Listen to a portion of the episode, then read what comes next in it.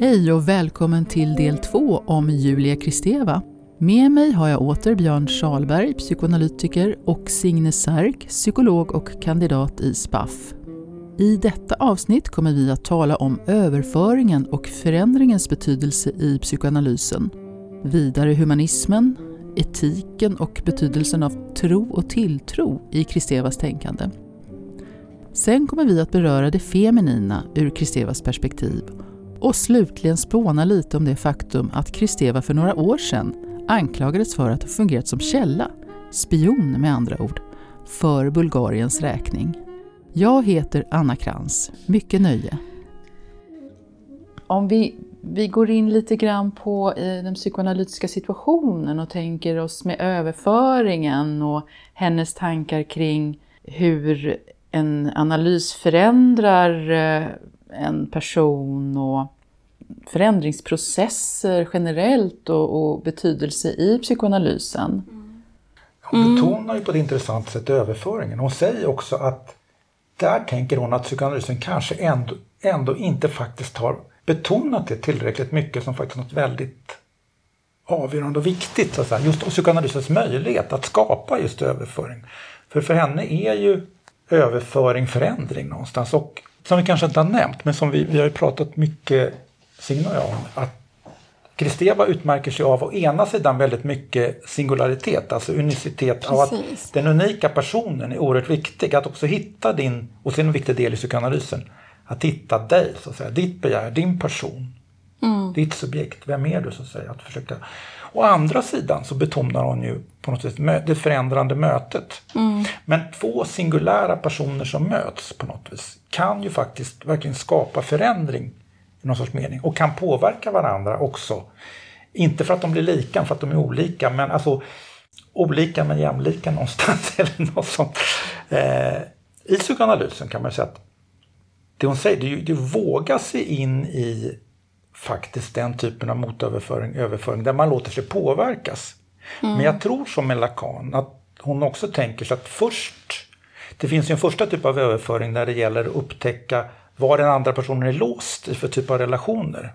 Egentligen oidipala identifikationer. Vad, vad ligger dina låsningar? Okej, då upprepar du dem med mig. Så blir de tydliga, så kan vi analysera dem.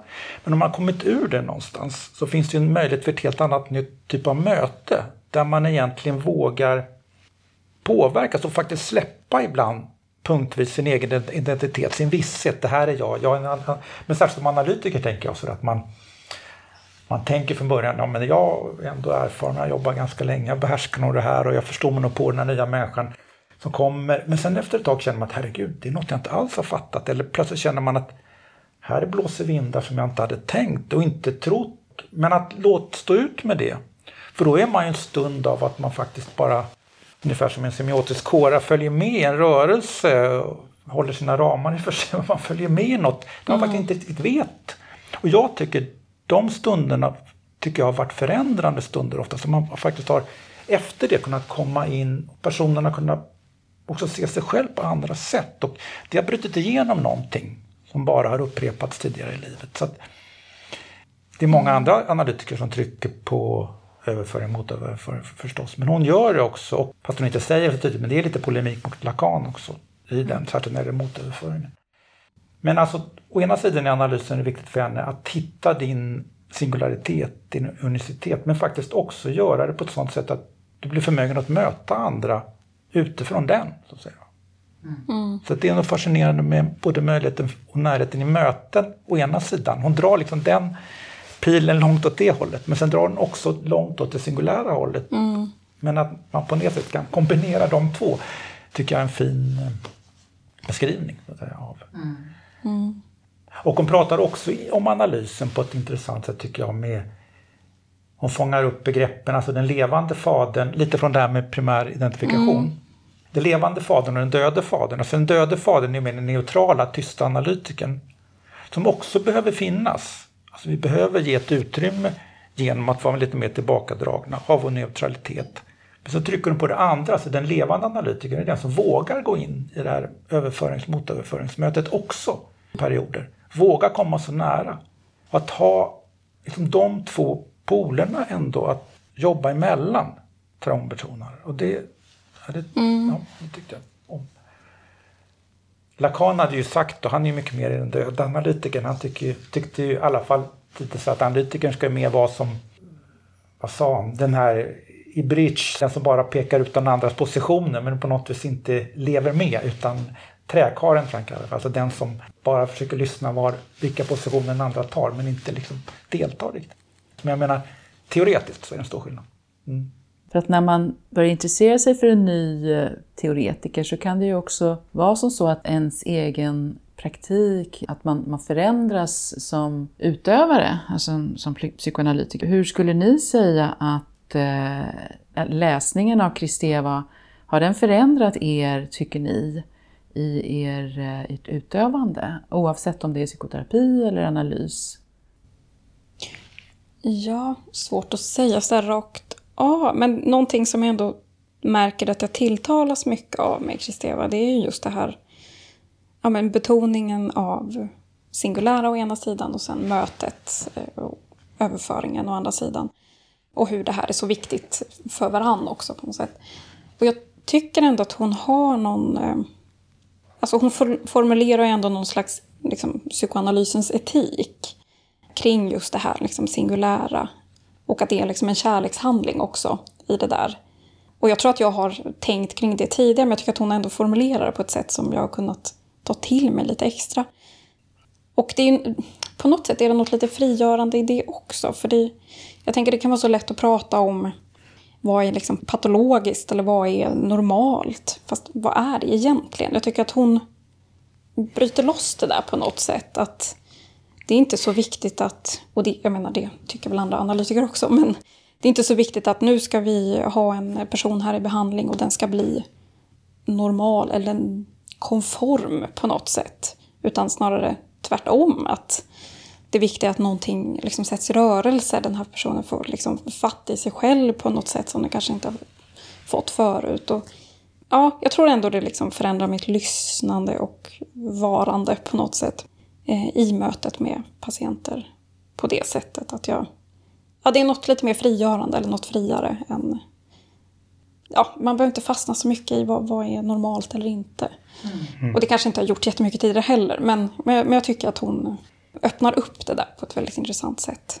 Och med någon väldig så respekt eller ödmjukhet för varje enskild människa. Det tycker jag det behövs både i det analytiska arbetet eller patientarbete men också tänka i samhället på något sätt. Att det, Ja, det behöver jag inte gå in på nu, men jag tänker det finns mycket man kan mm. tänka kring det här liksom mer humanistiska fokuset som man ändå har, eh, som jag tycker är väldigt viktigt, också i ett samhällsperspektiv. Och du har läst Kristeva eh, senaste två åren ganska intensivt. Hur har det påverkat dig, skulle du säga, som analytiker?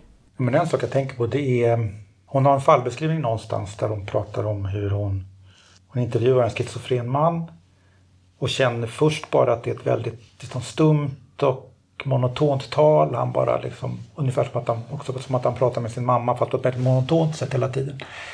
Sen plötsligt så hör hon någonstans att han bryter, har någon sorts brytning i språket. Så hon förstår att han har kanske ett annat modersmål eller han, det finns ett annat språk någonstans. Någonting får henne att plötsligt, jag tror att de börjar på franska och så skiftar hon över till engelska. Plötsligt blir han mycket mer levande. För att han får kontakt med någonting annat i sig tack vare ett språkbyte. Att försöka lyssna efter också under en timme och med en analysand. Alltså försöka verkligen höra när någonting får den här laddningen. Och det, alltså språk som är mer semiotiskt präglat har mer av rörlighet, mer av förändring, mer av laddning i sig. Att verkligen lyssna efter när man är där. För där kan man nå varandra på något vis. Men när man är ett väldigt monotont språk som man känner att det här leder inte till något liv egentligen. Det är upprepat någonting dött här. Så det kan ju bara vara ett litet tonfall där man hör att oj, här var det en speciell betoning. Och då kan man förstå, då kan man säga att det är en speciell betoning, då blir det mer semiotiskt just där. Alltså då mm. finns det en annan laddning i det här ordet kanske än i det här vanliga talet. Och då får man kanske stanna, se, okej, okay, kan vi stanna till där och se om vi hittar något liv där? Lyssna mer så tror jag. Jag tänker på det när, när den rena affekten ska försöka möta orden, språket. Att då är vissa ord är ju, är ju väldigt laddade. Man kan, säga, man kan säga exakt samma ord på ett annat språk och, det, är liksom, det, det finns ingen laddning i... Ja, det finns inte den här kopplingen då till affekterna, så att säga, kroppen.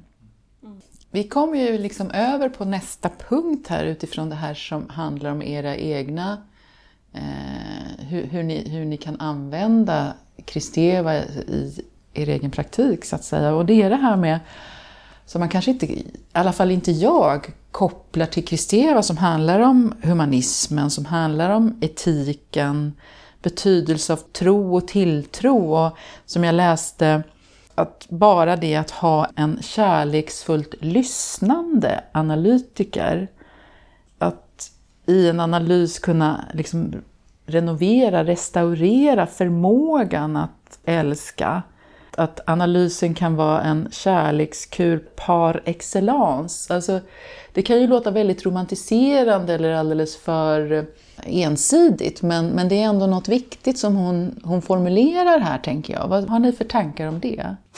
Jag tänkte det, kärleken i analysen, när hon skriver så här också att psykoanalytikern måste ha en förmåga att eh, i någon mening älska sin analysant. Men då pratar hon egentligen om imaginära kärleken. Alltså inte jag älskar just bara dig hela livet utan jag, alltså den där kärleken som mer handlar om att låta sig, och det imaginära då faktiskt, det är ju att låta sig dras in i ett påverkansfält med den andra personen. Att låta mm. sig beröras och beröra någonstans. Så att, så att det handlar om att komma nära den typen av kärlek som faktiskt ju på ett sätt, hon besläktar också med, med överföringen. Att våga vara i ett fält där man går in och ur varandra i meningen att man påverkas av varandra. Det är den kärlekshandlingen tror jag hon i första hand pratar om. Och mm. ett, ett, lyssnande kan ju vara på det sättet mm. också. Kan man säga. Det påminner mig lite om, eh, jag har läst eh, den här boken Jag och du av Martin Buber. Mm. Där han pratar om jag och du eh, relationen, alltså som i en dialog, att man släpper in den andra, man låter sig påverkas av den andra i en jag-du-relation, men att vi säger Martin Buber då att vi oftast befinner oss i jag-det-tillstånd egentligen. Och att de här jag-du-momenten är, är relativt sällsynta men att man tänker sig den analytiska ramen med konfidentialitet, med abstinens, med att man umgås inte på fritiden, man har den här eh, rytmen att, att man ses på vissa bestämda punkter, gör det, gör det mycket möjligare för en jag-du-relation för att ramen skyddar det här att det kan uppstå. Att det är skyddat från liksom verkligheten utanför. Tror ni att det finns någon besläktskap där? Men hon, hon har väl aldrig refererat till Martin Buber, men jag kommer att tänka lite på Martin Bubers begrepp där. Nu är ju han, hon är ju ateist som jag förstår det, men han, han är ju då religiös, som har någon gudstro där, men där hon skiljer ut sig som ateist. Men jag, jag kommer att tänka på det i alla fall. Mm. Mm. Hon är ändå väldigt intresserad av religion samtidigt ja. som hon är ateist. Jag var länge sedan jag läste den där Bobers bok, men, men det handlar väl mycket om möten, eller hur? Det handlar mycket sätt, om... Att kunna om, mötas som två. Precis, att, att verkligen mötas, men han, där han skriver att här, de här jag-du-mötena jag, du är sällsynta men helt nödvändiga, men att för det mesta så förhåller vi oss till andra och till världen mer utifrån jag-det-relation så att säga. Och att vi, vi, behöver oscillera mellan de här två olika eh, sätten att förhålla oss till andra människor. Kanske till och med till oss själva också. Men det, det, det var ett litet sidospår, men jag kom att tänka på det i alla fall. Men vad, vad, vad, menar hon när hon pratar om tro och tilltro? Alltså tillit, är det det? Vad är det som ni tror att hon tänker på? Hon utgår från det moderliga, eller hur? Ja. Modliga tilltro, reliance. Ja, precis. Ja, det finns ju där. Precis. Men sen tänker jag också det här med, alltså om man tänker tro och det religiösa så menar hon nog att det är egentligen ett, vad ska man säga, alltså behovet att tro. Eh, alltså det är något slags kanske andligt behov eller hur man nu vill beskriva det. Sen kanske man inte beskriver det i religiösa termer av att liksom ansluta sig till en tro lära eller så. Men att det, ändå, det är liksom ett grundläggande mänskligt behov ändå. Och där kommer hon återigen in på det här med den primära identifikationen.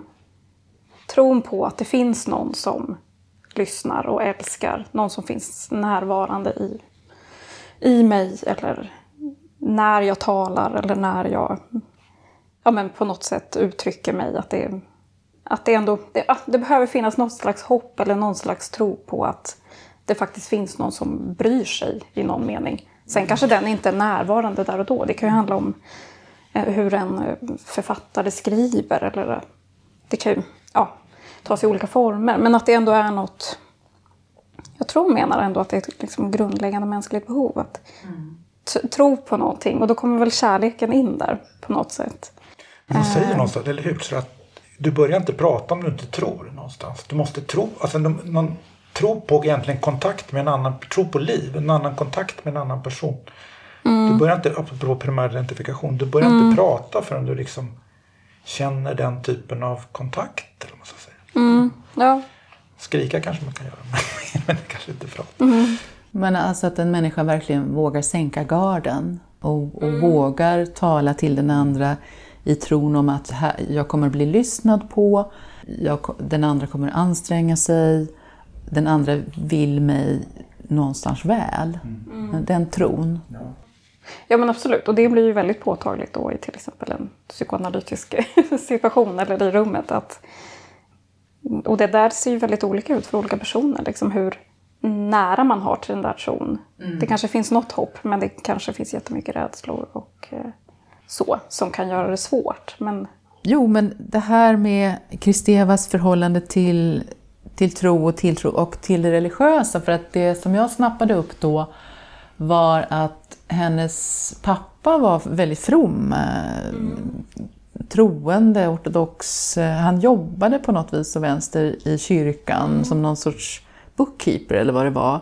Och att han tog med flickorna dit ofta och, och att hon fick se allt det här Eh, jag tänker i, i kyrkan som, som de vackra blommorna, rökelsen tidigt och, och altartavlorna som måste för ett litet barn vara väldigt speciellt. Och, mm. och, att jag har förstått att hon, hon har sagt att pappan verkligen älskade henne väldigt, väldigt mycket och att hon, hon hade med sig det i sitt liv. Medan som jag har förstått att mamman var lite mer fjär. Hon var matematiker och var inte riktigt lika närvarande. Det här liksom har ni också förstått det så med hennes uppväxt där? Att, att det har varit speciellt där med, med hennes föräldrar och sen också den här skilsmässan ofrivilligt på ett sätt, eh, ja, när hon eh, åker till Paris mm. eh, och det är meningen att hon ska vara där ett år men hon stannar forever. Att, mm. att det hela tiden finns en brist där för att hon kan inte träffa föräldrarna hur som helst för de kan inte åka ut ur Bulgarien. Mm. Hon är ju så otroligt bred i, i sitt, sina intresseområden.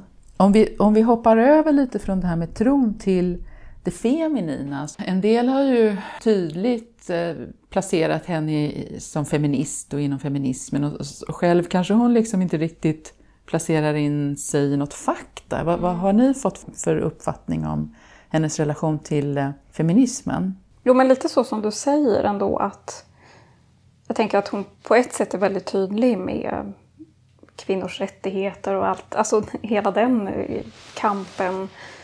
Eh, alltså någon slags jämlikhet på det sättet. Det, det är liksom grundläggande och det hör väl ihop med det här alltså fokuset på det singulära på något sätt. Att liksom var och en behöver kunna liksom vara en fri människa på något sätt.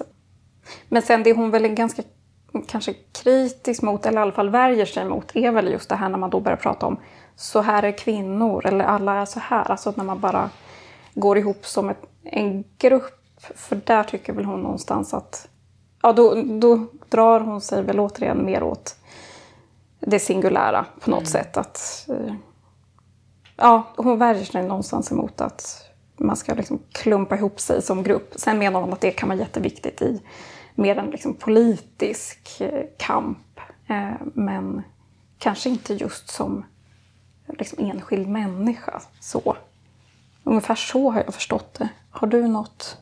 Ja, men så, ja, tror jag också det ja. vissa feminister har kritiserat henne för är att hon inte har velat ställa upp på liksom stora så här är kvinnor och så här är män. Någonstans. Inte så tydligt i alla fall. Mm. De har tyckt att hon har varit för just för mycket individualist. Mm. Ja men precis.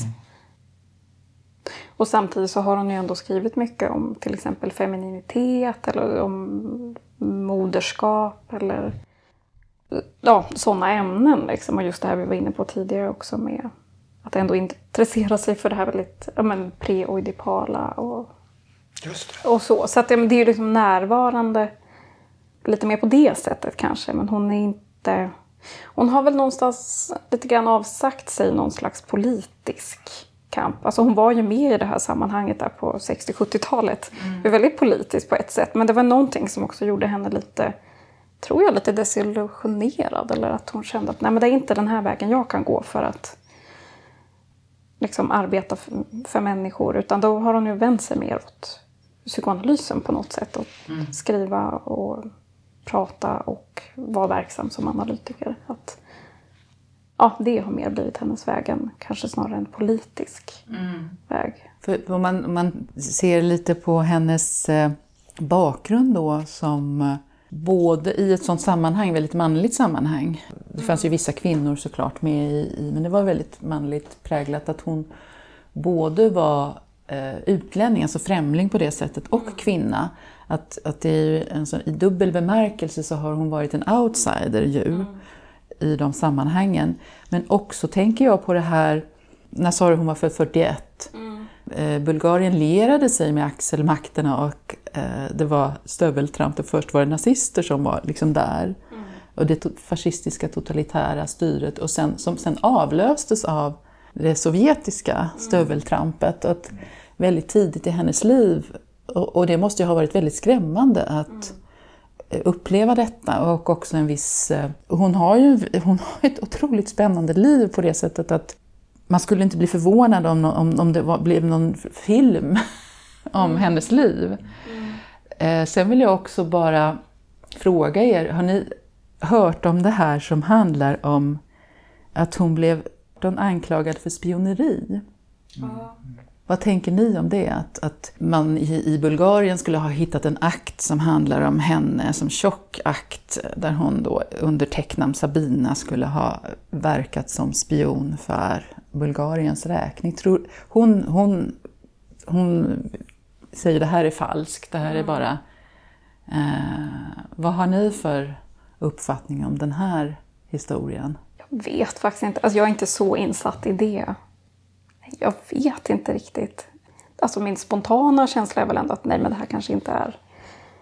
Eh, ja, det stämmer inte de här anklagelserna. Men däremot har de väl sagt någon gång också att det, det som också skett i det här är ju att det finns en del brev mellan henne och föräldrarna som, är, som man skulle kunna få tag på. Alltså det är så här offentligt material på något sätt. Att, eh, så hon har ju upplevt ett liksom, integritetsintrång på det mm. sättet. att något, ja men de här väldigt liksom, privata relationerna, att det då läggs ut för någon allmän beskådan. Att det tycker de väl är väldigt obehagligt. Men sen, jag vet inte om det finns något i det här eller var de här anklagelserna kommer ifrån, om det har någon substans eller inte. Det vågar jag inte svara på. Har Men du... alltså, kommer man ifrån ett östland på det sättet. Så många blev ju kontaktade av säkerhetstjänsten från de länderna och försökte, försökte värva personer och också pressade dem utifrån mm. att era anhöriga på något vis kommer råka illa ut om ni mm. inte samarbetar. Jag läste en del, försökte läsa en del om det på nätet men det är någon som, nu kommer jag inte ihåg någon namn, men som har försökt titta med grunder på det där.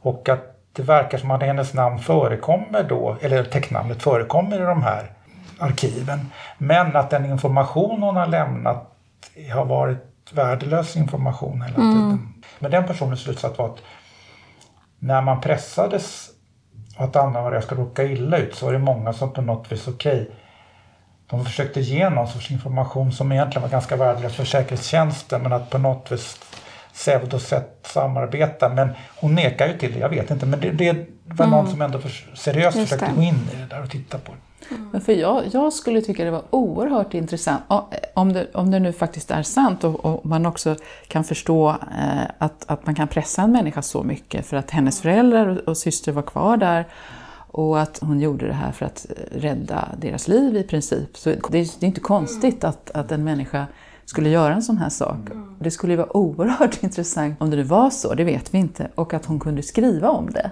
Det skulle vara jätteintressant. Men vi vet inte. Nej. Vi vet inte om det är sant eller inte sant. Nu börjar vi kanske närma oss ett sorts slut här. Mm. Är det någonting mer som ni vill säga om Julia Kristeva och hennes tänkande, hennes begrepp, hennes liv, hur hon har påverkat er?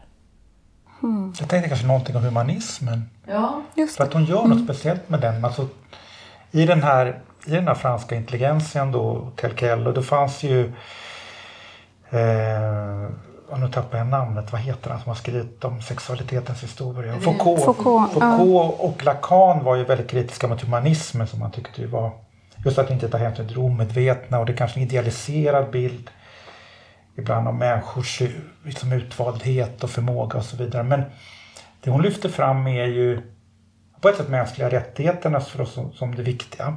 Men sen försöker hon göra en humanism som tar hänsyn till att det finns ett omedvetet. Eh, som, som betonar ju att som människa, hon skriver någonstans att människan med stort M existerar inte längre. Utan med ett litet M, att man faktiskt behöver titta på sin historia och ständigt ändå både fundera över sig själv och sitt samhälle och den historia man försöker skapa i ett samhälle.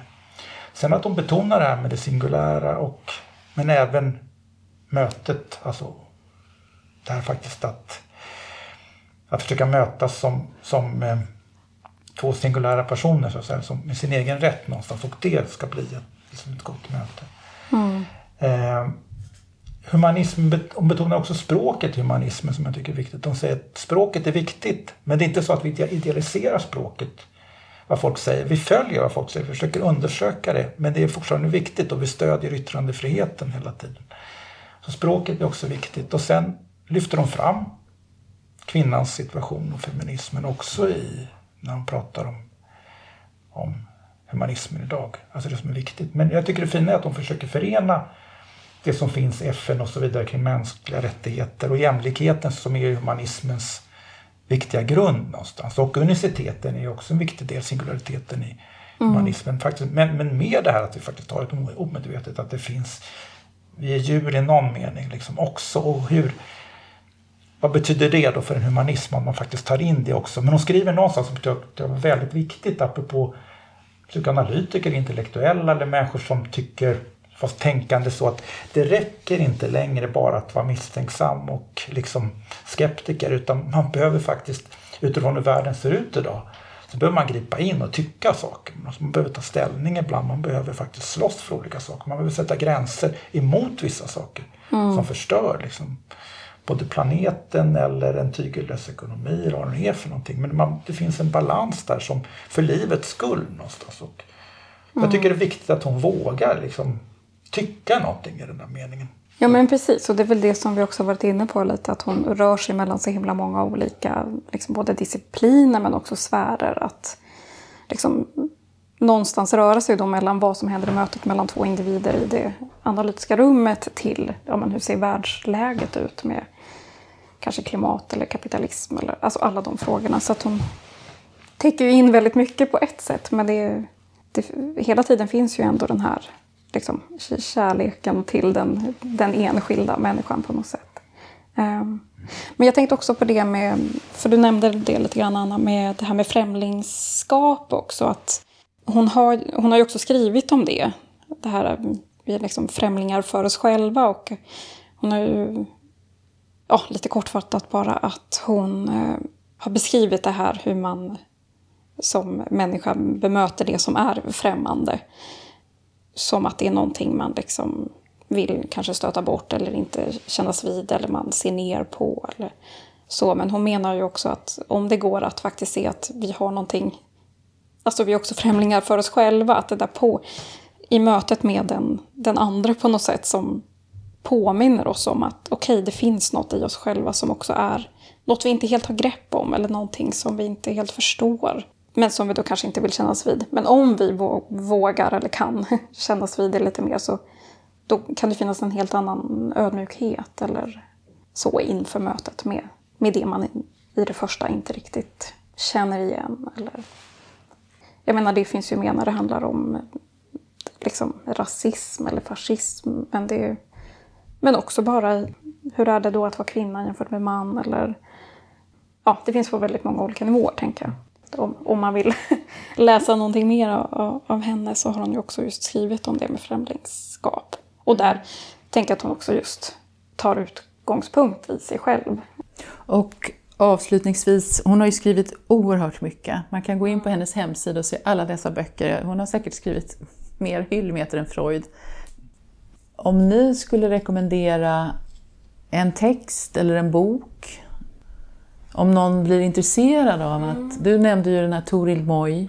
Är det någon, någon bok av Kristeva själv som skulle kunna vara en ingång?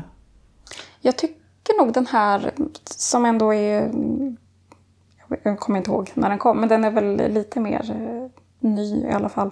Eh, på engelska heter den väl This incredible need to believe.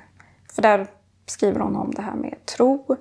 Men det är också, det, mycket av hennes tidigare tänkande finns ändå med i den där mm. eh, boken. Så den skulle jag rekommendera. Så finns det en som på engelska heter Passion in our time.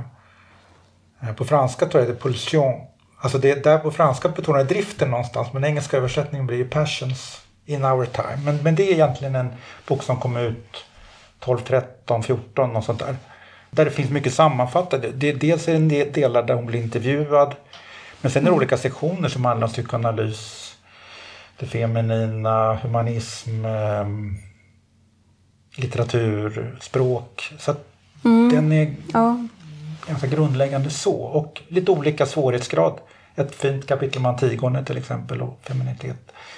Ja men precis, och lite mer så personliga texter om hennes bakgrund och uppväxt. Ja, det. finns väl också med den. Mm. Det finns den ja. intervjuboken som också något som du nämnde förut. Ja. Kristeva Interviews tror jag heter på engelska som är också ganska går igenom henne mycket. Så att hon blir intervjuad eller så att man går igenom det hon har gjort någonstans. Det blir någon sorts sammanfattande upptagande. Mm. Mm. Det var intressant med den boken du nämnde som inte jag kände till faktiskt, om den där lite nyare bi biografi. Just det, en ny biografi. Precis. Men då får jag tacka så jättemycket för den här stunden och eh, en introduktion skulle man kunna säga till Kristeva, hennes liv och, och tänkande. Och med förhoppning att lyssnarna blir intresserade och börjar läsa. För att Kristeva har ju varit, ska man säga, i Sverige i alla fall, inte, kanske i vissa små smala kretsar, eh, men i alla fall inte jättemycket i psykoanalytiska kretsar så har hon inte varit särskilt... Det är andra franska analytiker som har varit mer då på tapeten. Så att vi får hoppas att det här väcker intresse. Okej, då säger vi så. Tack ska ni ha. Tack.